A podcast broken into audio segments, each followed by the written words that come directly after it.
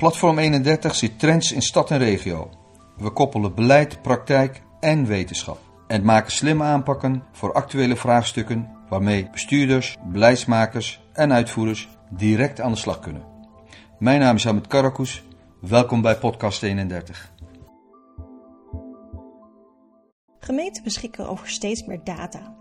Denk aan data uit het sociale, economische of fysieke domein. Dit soort data is enorm waardevol, want hiermee kun je vraagstukken beter duiden en begrijpen en beleid gerichter opstellen of aanpassen.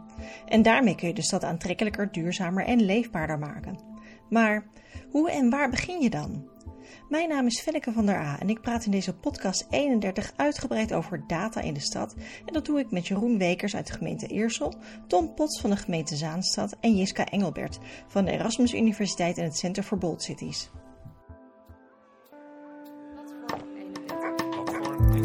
Platform 31. We beginnen met een voorstelrondje. Jeroen, kun jij jezelf kort voorstellen? Ja, goeiedag. Mijn naam is uh, Jeroen Wekers. Ik ben uh, projectleider voor de gemeente Eersel. Daar hou ik me bezig met allerlei projecten die met name met de toekomst van onze gemeente te maken hebben, van onze regio.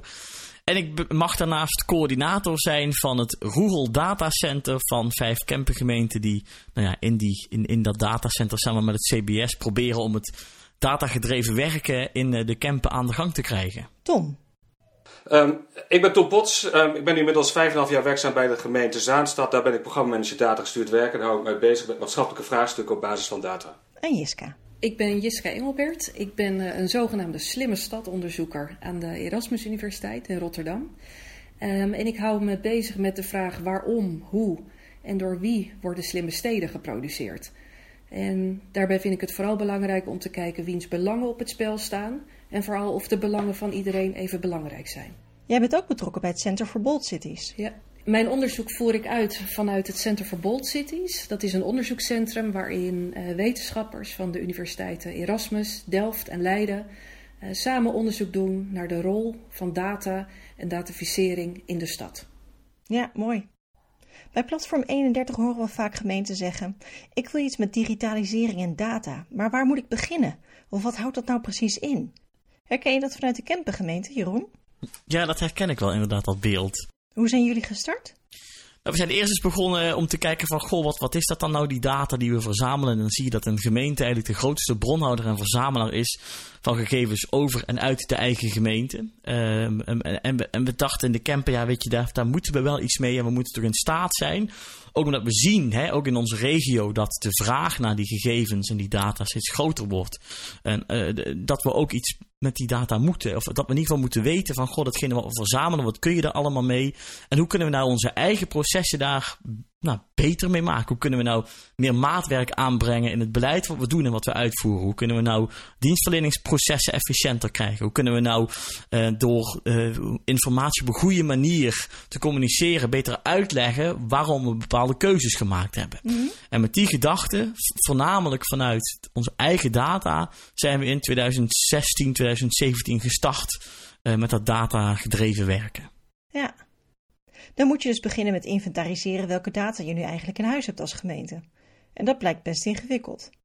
Dat is zeker niet makkelijk te vinden. En ik denk dat ik nu moet concluderen dat we nou een vier jaar bezig zijn en na vier jaar nog niet precies in beeld hebben waar nu alles zit. En je ziet ook wel dat een aantal gemeenten daar grote exercities op doet om, om, om al die data boven te krijgen. En ik weet zeker dat je nooit verder komt dan 80% van de data om die in beeld te hebben. En wat als je die data enigszins in beeld hebt? En dan? Ja, en dan? Uh, dat was ook bij ons de vraag. Wat, hoe, hoe ga je dat dan nou organiseren? Ja. En toen hebben we bedacht, laten we dat nou gaan onderzoeken door maar gewoon aan de slag te gaan.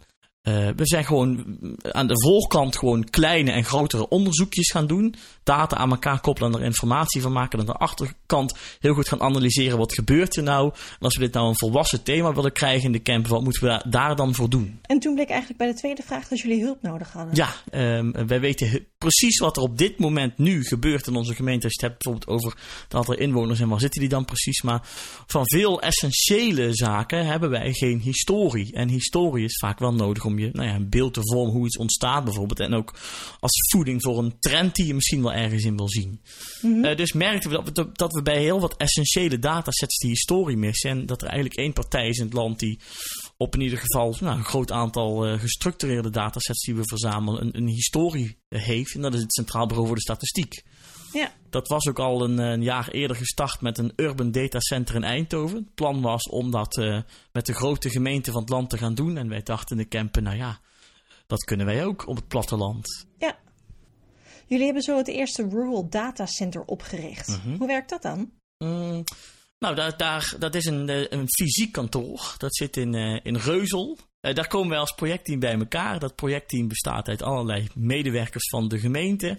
Van de vijf gemeenten die deelnemen. Dat bestaat uit uh, twee mensen van het CBS die daar aanhaken. En nog wat mensen die we inhuren om het team compleet te maken. Mm -hmm. um, en, en bij ons kan eigenlijk iedereen terecht met een vraag naar informatie. Dat kan heel klein zijn. Dingen die we gewoon beschikbaar hebben. Die we bij elkaar brengen om gewoon te laten zien: dit is wat je kunt. Um, dat zit hem ook in, in grotere onderzoeken waarbij we echt onze gegevens koppelen aan bijvoorbeeld dat van het CBS, maar ook andere, uh, kadaster of een veiligheidsregio. Om te kijken, gewoon met die nieuwe statistiek, wat kun je daar dan nu mee? En het zit hem ook, in, met name ook in deze fase, uh, in een stukje opleiding. Mm -hmm. Um, dus we zijn ook echt, uh, we hebben twee mensen in ons team die, die continu bezig zijn met, met, met kwaliteitsontwikkeling, met kennisontwikkeling, met cursussen, met workshops, met trainingen. dat worden dan nu wat meer e-learnings om ook in die gemeente uh, ja, het kennisniveau over, over data te vergroten. En wat kun je daar nou mee? Dus die samenwerking met CBS levert en historische datasets op. En je leert jezelf als gemeente ontwikkelen op dit vlak. Mm -hmm. Tom, in Zaanstad zijn jullie eigenlijk ook begonnen vanuit een, uh, ja, we moeten iets met data. Maar jullie hebben dat anders aangepakt. Kun je daar iets over vertellen? Zeker. Um, wat wij gedaan hebben, dat lijkt er wel op, is dat we veel pilots hebben gedaan. Hè, dus, dus veel pilots uh, waarin we geëxperimenteerd hebben. Dat hebben we uh, gelijk. Het, andere wat denk ik net anders is dat jullie het CBS hebben, maar wij hadden, wij hadden een datateam, wij hadden onderzoekers, wij hadden statistiek. Wij zijn groot genoeg om dat soort kennis en kunde aan ons um, um, te binden. Mhm. Mm -hmm. Maar waar bij ons het begin heel erg over ging, was dat iedereen wil op dit moment data science. Hè? Dus um, op het moment dat, je, dat iemand zegt, we, we gaan datagestuurd werken starten, dan hoor je eigenlijk de eerste stap is dat mensen zeggen, we hebben vier data scientists nodig. Um, uh, zo was dat ook bij ons, maar toen we daarna gingen kijken, bleek eigenlijk achteraf dat dat helemaal niet noodzakelijk was. Uh, um, vooral omdat we niet zo goed wisten wat het was. Um, wat je bij, waar wij achter kwamen, is een modelletje van Gartner, is dat je eigenlijk verschillende soorten analyses hebt. Mhm. Mm -hmm. Beschrijvend, diagnostiserend, voorspellend en voorschrijvend. Uh, en hier kun je elk maatschappelijk vraagstuk langsleggen wat, uh, wat er maar is. Um, nou, waar wij als eerste achterkwamen in, uh, in, in Zaanstad, was de eerste pilots die wij deden, waren data science in het maatschappelijk domein. Nou, ik kan je vertellen, kansloos vanaf het begin. Uh, maar, we hadden, maar we hadden geen enkel idee waar het over ging. Dus we gingen proberen voorspellende modellen in het maatschappelijk domein te doen, terwijl we de basis niet op orde hadden. We hadden het wie, wat, waar, hoeveel niet op orde. We hadden de diagnose niet op orde. Dus we gingen daar met data science dingen proberen te doen. Ja. Um, dus de, het eerste waar we achter zijn gekomen in, dat, in die, al die pilots is dat je heel goed moet kijken waar een organisatieonderdeel of een team aan toe is. Iedereen komt op dit moment binnen op het voorspellende. Dus onlangs weer het team wonen komt binnen en zegt: Tom, kun jij een analyse met jouw team maken hoeveel voorspellende analyses er, of hoeveel huizen er ge, um, uh, gebouwd gaan worden in, um, in 2023? Mhm. Dan is mijn eerste vraag nu: vertel eens hoeveel huizen bouwen we nu en in welke categorieën en hoe staat het met de huidige woningbouwproductie? Ja, nou is daar geen antwoord op, dan is dat waar we gaan starten. Dus Mhm. uh, dat eerste, die eerste periode hebben wij heel erg geleerd om precies aan te sluiten, de juiste analyse vast te pakken uh, en, daar, um, uh, en die aan te laten sluiten bij het team wat voorzit. Van wonen, jeugd, zorg tot aan WMO, verzin het maar, zoveel teams als een gemeente heeft. Vorig jaar hebben we bij Platform 31 uh, het magazine Data in de Stad gemaakt. En daarin hebben we de lessen van Zaanstad opgesomd. Um, en een van de lessen was dat je een gemeenschappelijke taal nodig hebt. Kun je daar wat over vertellen? Um, uh, die taal is precies wat ik net vertelde. Dus wij hadden in het begin gewoon geen idee wat datagestuurd werken was. Die beschrijvende, diagnostiserende en voorspellende analyses. Voor ons is dat de taal geworden waarin wij werken. En beschrijvende analyses worden door dashboardontwikkelaars gedaan. CBS onder andere. Uh, diagnostiserende analyses wordt door de wetenschap gedaan, door de onderzoekers. En uh, voorspellende analyses door, uh, door data scientists. door dat te ontrafelen en daar zicht op te krijgen en dat te begrijpen, dat is de taal die wij uh, enerzijds gecreëerd, gecreëerd hebben. Mm-hmm. En dit is dan datagestuurd werken in de echte wereld voor ons, is dat een gemeente bestaat uit 50, 60 inhoudelijke onderwerpen. Wat wij, wat wij proberen te doen, is team voor team te kijken en een extra analyse werkend te krijgen. Dus zo heeft het team vroegtijdig school verlaten had de beschrijvende analyse op orde, de diagnostiserende analyse aan de orde en daar hebben we de, het voorspellende model toegevoegd. Het team wonen had de voorspellende analyse vroegen ze om, maar ze hadden de beschrijvende analyse nog niet op orde, dus die hebben we toegevoegd. Dus steeds proberen wij een analyse toe te voegen en werkend te krijgen. En als die werkend is, en dit is echt belangrijk, dan zijn zij data gestuurder geworden. Ja. En ons idee is dat de stapeling van lokale verbeteringen team voor team voor team voor team maakt dat wij als organisatie in zijn geheel datagestuurder worden. Ja. Volgens mij uh, vind jij het ook onethisch om beschrijvende en diagnostiserende analyses niet te gebruiken. Ik neem aan dat je dit ook probeert over te brengen binnen je organisatie. Nou, zeker. Dus wat ik, echt, wat ik heel interessant vind, is dat mensen bijvoorbeeld um, uh, zeggen: uh, datagestuurd werken is onethisch. Of werken met data. En dan, en dan denk ik altijd: hé, waar gaat het dan over? Um, mooi voorbeeld. Um, ik ken de data scientist die het voorspellende model, dus de voorspellende analyse rond kindermishandeling heeft gemaakt, heel goed. Mm-hmm. Ik kan een vlammend betoog houden waarom het heel goed is om dat model te gebruiken. Ik kan een vlammend betoog houden waarom het heel slecht is om dat model te gebruiken. Even heel goed. Als je drie kinderen van kindermishandeling kunt behoeden, wat is dat waard? Aan de andere kant, één valse beschuldiging en een gezin valt uit elkaar. Um, ik kom daar in mijn hoofd niet uit, dat vliegt ethisch alle kanten uit, maar dat zijn vooral voorspellende analyses. Bijna altijd gaat het, als het over ethiek gaat, over die voorspellende kant. Mm-hmm. Ik durf wel te zeggen dat als je de beschrijvende en diagnostiserende analyses rond een vraagstuk, uh, daar speelt die ethische vraag veel minder. Um, en ik durf het wel om te draaien. Ik vind het echt onethisch op het moment dat je dat soort uh, analyses niet gebruikt. Wat vind jij daarvan, Jiske? Ik zou, ik zou liever willen zeggen dat, dat ethische componenten of ethische vraagstukken in alle verschillende van die vormen van analyse plaatsvinden. En ook niet los van elkaar kunnen worden gezien. Ik denk dat het argument wat Tom ook wil maken, is dat het heel belangrijk is dat je die verschillende manieren waarop je data kunt produceren of omvormen tot intelligente informatie, uh, dat die verschillende stadia heeft, dat daar verschillende uh, professionals, als je zou willen, specifieke expertise op hebben. Maar het zijn allemaal uh, uh, onderdelen van een analyseproces waarin iets gebeurt, waarin geïnterpreteerd wordt en waarin inderdaad een op zichzelf staand vrij willekeurig uh, beetje data toch betekenis verkrijgt. Dus dan zijn er altijd ethische dimensies in het spel. En ik denk, dan ben ik dan wel met Tom eens wanneer je zegt je kunt niet gelijk naar een voorspellende analyse gaan zonder aan te geven hey, het algoritme, uh, hè, wat iets over n plus 1 moet zeggen, moet wel weten wat nu de huidige situatie is. Of hoe die huidige situatie gevormd is door wat er eerder is gebeurd. Ik zie Jeroen heftig knikken. Ja, ik ben het daar eigenlijk helemaal mee eens. Ik denk dat je het bepalen van de dingen die je meeneemt. Um, in een soort democratisch proces moet gieten. Ik wil het nu niet heel democratisch of heel bureaucratisch maken. Maar ik heb er ook wel eens met de gemeenteraad van, van de gemeente Eersel over gesproken. Van goh, eigenlijk zou je, uh, wanneer je echt projecten start uh, die, die diep gaan, zou je al bij de raad een soort besluit moeten laten nemen. Omdat zij in ieder geval democratische verantwoording kunnen afleggen aan, hun, aan de inwoners. Om te laten zien van oké, okay, ja, wij, wij, wij, wij hebben deze keuze gemaakt. Dat, dat kan ik bijvoorbeeld. Ik kan die verantwoording niet nemen. Mm-hmm. En ik kan wel een voorstel doen aan de raad, omdat ik denk dat ik er wel een gevoel bij heb. En met mijn team kan bepalen wat wij wel ethisch verantwoord vinden en wat niet. Maar de beslissing zal toch ergens bij een democratisch gekozen uh, persoon moeten liggen. Of groep van personen. Jiska? Nou, dat vind ik super interessant, Jeroen. Want uh, uh, jij zegt ik wil niet bureaucratisch worden. Maar dat is iets zeker wat we vanuit uh, het onderzoek wat we voor Bold Cities doen. Zien we dat slimme stadontwikkeling, hè, dus eigenlijk de verschillende processen waar jullie het nu over hebben, dat die juist heel erg bureaucratisch worden gemaakt en weinig democratisch. het gaat inderdaad, je zou kunnen zeggen dat dat ambtenaren, of dat nou slimme stadofficers zijn of data scientists, uh, dat die relatief veel um, autonomie en ook creativiteit hebben om te kunnen, te kunnen innoveren. Ehm, en dat siert ze natuurlijk ook. Maar ehm, we zien inderdaad dat, er, dat dit nooit onderdeel is, bijna nooit in ieder geval, van bijvoorbeeld de verkiezingsprogramma van lokale partijen. Ehm, dat misschien wel privacy iets is wat zo nu en dan in de gemeenteraad wordt besproken.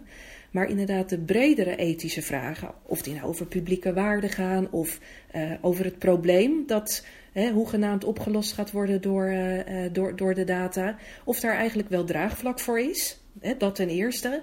En ten tweede, of de ambtenaar uiteindelijk nog een soort publiek mandaat heeft. Er zijn ook meerdere ethische kaders in omloop. Maar hoe bepaal je welk kader je moet gebruiken? Ja, precies. Um, nou ja, ik, ik, weet niet of Tom en Jeroen daar ook ervaring uh, mee hebben. Hè. Jullie hebben met het CBS samengewerkt en je hebt je eigen, hè, je eigen mensen. Maar je zult vast en zeker zien dat het CBS uh, andere kaders of principes uh, aanhangt in vergelijking tot bijvoorbeeld um, technologiebedrijven die ook consultants afvaardigen in binnengemeentelijke organisaties. Dat, en de gemene deler is vaak privacy, hè, dat vindt iedereen heel erg belangrijk. Uh, publieke waarde is nu ook een soort containerbegrip dat daarin wordt gebruikt. Maar welke publieke waarde dan eigenlijk? En wie mag die publieke waarde bepalen? Dus wat, wat ons opvalt is dat met name technologiebedrijven eerder op privacy zitten. Terwijl inderdaad de andere ethische kaders die in omloop zitten, meer op publieke waarden zitten. Tom? Als wij met voorspellende modellen aan de gang gaan, met voorspellende analyses, gebruiken wij data van de Universiteit van Utrecht. En die helpt je eigenlijk door, um, uh, door die ethische uh, vragen heen. Dus de vragen die daar gesteld moeten worden van, ja, mag ik dit eigenlijk doen en hoe, en hoe werkt dat dan? Dat hebben wij nu voor twee modellen gebruikt. Um, uh, en dat werkt best wel goed.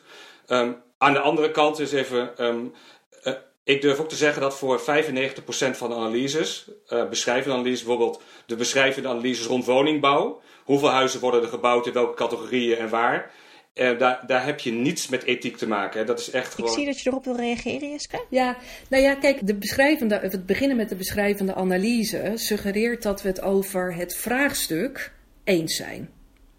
Uh, en ik denk dat daar ook nog een heel belangrijk ethisch vraagstuk of een waardevraagstuk zit.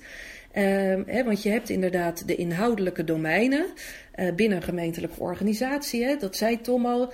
Uh, jeugdzorg, WMO, vroegtijdige schoolverlaters. Nou, dat is op zich niet een probleem of een vraagstuk. Dat is een, een bureaucratische indeling binnen een gemeentelijke organisatie. maar wat interessant wordt, is wanneer we het thema jeugdzorg bijvoorbeeld inderdaad koppelen aan kwantitatieve vragen over overlast. Hoeveel criminaliteit. Dat is, uh, tuurlijk kunnen we dat een ethisch vraagstuk noemen. Je zou het ook een cultureel vraagstuk kunnen noemen of een politiek vraagstuk. Want alleen al in die vertaalslag van een thema naar een zogenaamd probleem wat we moeten gaan meten en analyseren in de verschillende fasen, daar gebeurt al heel veel belangrijks. Je zegt ook dat je data niet kunt inzetten voor alle vragen. Uh, de specifieke data die wij produceren, of die in, een, in en door een urban data center wordt gespecificeerd, is nooit de hele taart. Het is een specifiek taart en het is een stuk taart dat heel handig werkt binnen gemeentelijke organisaties, binnen de bureaucratische systemen, binnen de managementinformatie die geproduceerd moet worden, die behoefte heeft aan frequentietabellen en staartdiagrammen. Maar er is ook heel veel wat we niet zien en vooral heel veel wat we niet vragen. Dus zeker bij sociale vraagstukken levert datagestuurd werken lang niet alle antwoorden op. Uh, maar in de camp probeerden jullie wel zo grip te krijgen op het sociaal domein. Hoe ging dat dan?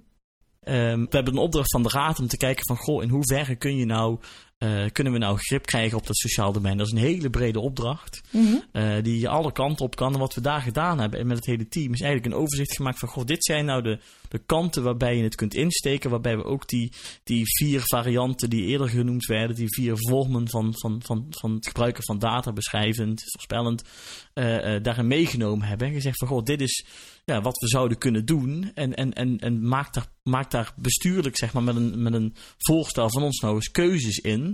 Um, en we hebben ook gezegd, nou ja, bepaalde dingen, daar, daar, daar willen we gewoon niet aan. Uh, omdat we ook gewoon denken dat als we, dat kunnen we wel analyseren. Mm -hmm. En dan zijn wel hele mooie kwantitatieve cijfers die we uit een systeempje kunnen halen. Maar het geeft eigenlijk helemaal geen, het geeft helemaal geen grip. Het geeft helemaal geen handelingsperspectief. Wat kan dan wel? Je kunt wel kijken, joh, ik heb bijvoorbeeld wel, uh, uh, uh, ik heb wel invloed op ehm, de instromers in de WMO. Uh, en als ik veel beter uh, weet uh, wat stroomt er nu daadwerkelijk in onze WMO in. En, en wat zou ik er bijvoorbeeld, wat zou ik voor maatregelen kunnen nemen om ervoor te zorgen dat, dat, dat die groep kleiner wordt. Zodat je preventief bijvoorbeeld meer dingen gaat aanbieden. Dan ga je zelf aan het stuur zitten. Je bepaalt zelf wat voor maatregelen je inzet. En, en, en wanneer je wel preventief iets voor iemand organiseert en wanneer je hem dan toelaat tot de WMO. Dus daar kun je wel wat mee. Dat zijn afwegingen. Kun je voorbeelden noemen van geboekte successen met data in de campen? Uh, voorbeelden bij ons, ja, dat gaat heel ver. We, we hebben de afgelopen jaren eigenlijk geprobeerd om ook team voor team eigenlijk overal iets te doen met data. Dat, dat was misschien iets minder gestructureerd dan in Zaanstad. Bij ons was het echt projectmatig. Dus iemand deed een specifieke beleidsvraag. Zo zijn we ooit begonnen met de vraag: goh, kunnen wij een relatie leggen tussen gemeentelijk groen en allerlei andere uh, factoren, bijvoorbeeld gezondheid. Dat was een lastige, maar de waarde van woningen, de ophoping van water. En als we die relaties weten, hoe, zouden dat dan, hoe, hoe kun je dat vertalen naar beleid? Het is bijvoorbeeld gelukt en er is een uitvoeringsprogramma uitgekomen. Uh, we hebben ook een, een armoedemonitor uh, uitgevoerd, waarbij we dus onze gemeentelijke gegevens gekoppeld hebben aan uh, de systemen van het CBS. En gekeken hebben van, goh, um, um, wij zetten maatregelen in in het kader van armoedebestrijding. maar hoeveel mensen maken nou eigenlijk gebruik? Dat kennen we. Uh, maar hoeveel mensen zouden er gebruik mogen maken die wij helemaal niet kennen? Want wij zijn beperkt en zien alleen datgene wat we verzamelen in ons systeempje.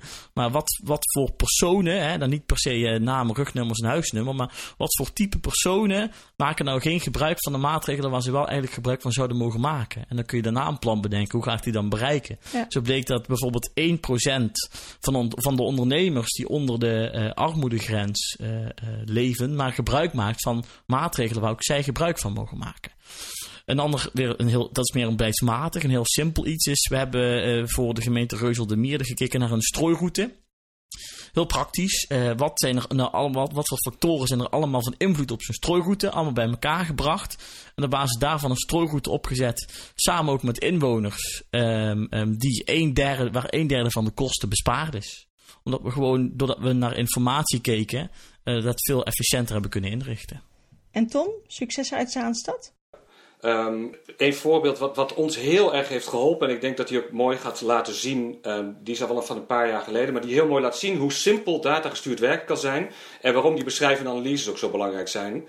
Ten tijde van het uh, vluchtelingendebat zaten, mouwen, uh, zaten uh, mannen aan vrouwen in Keulen. Toen werd er gezegd in de Europese media, er komen alleen maar testosteronbommen binnen. Vervolgens werd dat in de landelijke media overgenomen. Er komen alleen maar testosteronbommen binnen. Vervolgens werd dat bij ons in de raad gezegd. Er komen alleen maar testosteronbommen binnen. Toen dachten wij, zullen we eens een simpele beschrijvende analyse maken van wie, de, van wie er binnenkomt. En wat bleek? 48% was vrouw, 52% was man. En dat wat je als testosteronbom zou kunnen omschrijven, was maar een heel klein gedeelte van het geheel. Dat hebben we terug in het politieke debat gebracht.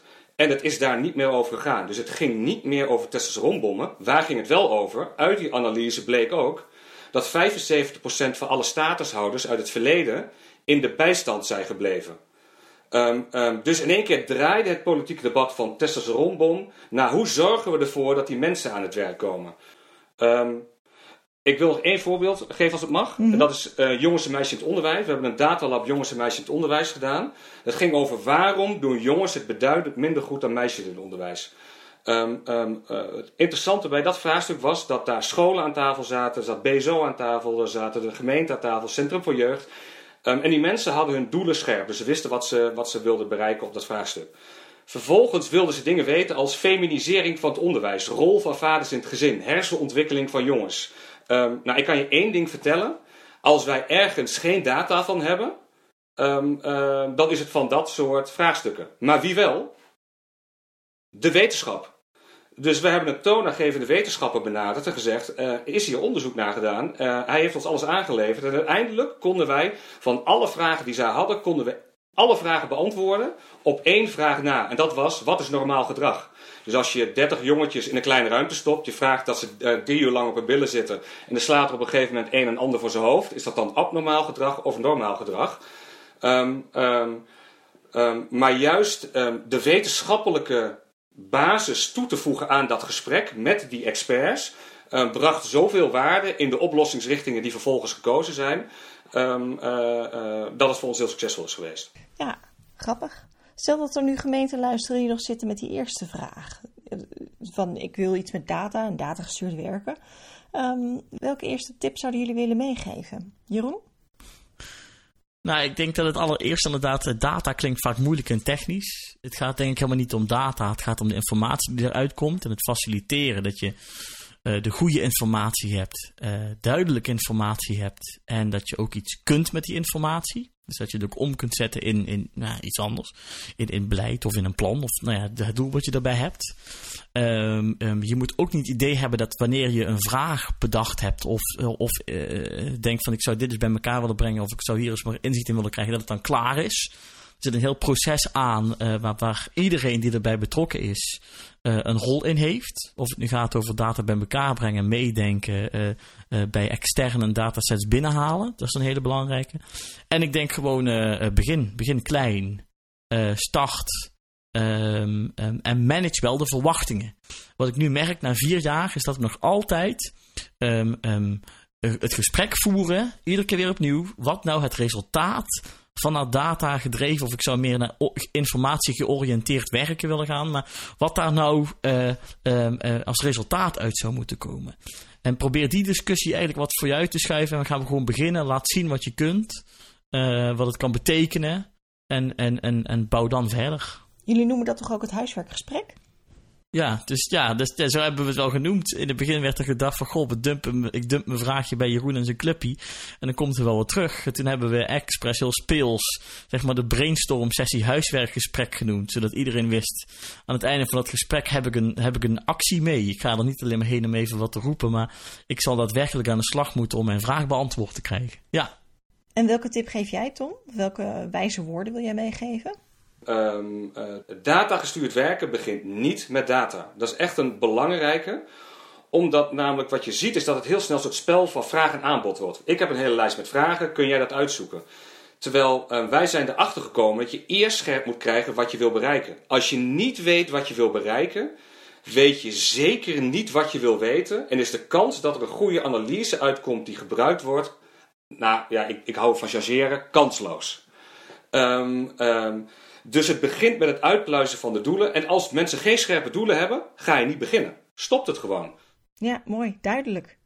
Jiska, ik zie jou al het hele gesprek naastig notities maken. Daar moet vast een hele goede tip tussen zitten. Nou ja, wat ik, um, wat ik zou willen meegeven um, vanuit het werk wat wij bij Bold Cities doen, maar ook wat ik uh, van Tom en Jeroen hoor, um, zouden wij altijd willen uh, stimuleren dat gemeenten de vraag stellen: welke vraag wordt hier nu echt gesteld? Dan wel, welke vraag zou hier nu eigenlijk gesteld moeten worden? In het datagestuurde werken zien we vaak dat de vraag, uh, oneerbiedig gezegd, beperkt wordt tot wat technisch haalbaar of mogelijk is. Dus inderdaad, wat, wat gemeten kan worden, waar we datasets voor mogelijk hebben, waar data gekoppeld uh, zou kunnen worden. Dus wat is nu daadwerkelijk de vraag hier? Mm -hmm. Het gaat altijd over maatschappelijke vraagstukken of stedelijke vraagstukken. Zorg dan dat die vraagstukken ook daadwerkelijk uit de stad komen, uit je gemeente, uit je, uh, uit je dorp. En dat betekent dus dat um, een gemeenteraad, de democratische vertegenwoordiging van die burgers, daarin een stem zou moeten krijgen. Wat daarin belangrijke uh, vragen zijn. Ja. Tom heeft het over het voorbeeld van, uh, uh, van het vluchtelingenverhaal naar aanleiding van Keulen. He, en je zou kunnen zeggen dat wat Tom daar heeft gedaan is een soort fantastische fact-check. Laten zien wat jullie stellen, dat, dat klopt niet. Maar je zou ook kunnen zeggen, je bent meegegaan in het, in het praten met woorden als uh, uh, testosteron, testosteronbom, dat je die had kunnen meten. En dat dat er eigenlijk niet heel veel blijken te zijn. Sterker nog, als er een probleem is met statushouders, dan is het dat ze niet, niet genoeg participeren in de maatschappij. dan ben je nog steeds eigenlijk binnen de kaders van anderen aan het werken. De vraag is niet vanuit de maatschappij of vanuit het debat in een, uh, in een gemeenteraad gekomen. Uh, hoe zouden we kunnen zorgen dat statushouders meer betrokken worden in de maatschappij? Dat was niet de vraag. De vraag was hoe krijgen we in beeld wat ze doen. Mm En dat is inderdaad iets wat me opvalt wanneer er wordt gesproken over datagestuurd werken. Het gaat grip krijgen op dingen in beeld krijgen om daar vervolgens op te kunnen sturen. Dus zorg dat je als, als ambtenaar daarin ook onafhankelijk bent. En inderdaad goed ageert of reageert naar aanleiding van vragen die je toch vanuit de politiek krijgt. En nog voordat we deze podcast uh, helemaal afronden, moeten we zeker nog uh, de bewoners benoemen, toch? Nou, st sterker nog, de stelregel moet zijn dat de mensen over wie je data gaat verzamelen, of over wie je in beeld wil krijgen, dat die altijd onderdeel zijn van het ontwerpproces. En niet omdat dat een soort, uh, niet alleen maar omdat dat ethisch gezien het juiste is, maar het is ook echt over slimme steden gesproken. Het is heel slim om dat te doen. En over kwetsbare groepen wordt juist veel data verzameld, denk ik. Juist omdat zij veel hulp krijgen of aanvragen. Dus zij kunnen juist heel slim meedenken in... denk na over dit. Zorg dat ik niet op drie momenten een, een formulier hoef in te vullen. Uh, zorg dat er niet te veel case managers zijn... Uh, die zich met mijn case bezig gaan houden. Zorg dat dat goed gecentraliseerd wordt. Het is het juiste om degene over wie data wordt verzameld, om die erbij te betrekken. Dat is in lijn met allerhande ethische kaders. Maar het is ook echt het slimme om te doen in je slimme stad of je slimme gemeente. Platform 31. Dank voor het luisteren naar deze podcast 31 over data in de stad. Wil je meer weten over dit onderwerp of over onze andere onderzoeken? Kijk dan op www.platform31.nl. Abonneer je dan meteen op onze nieuwsbrief en volg ons op LinkedIn en Twitter. Tot de volgende podcast 31. Platform 31.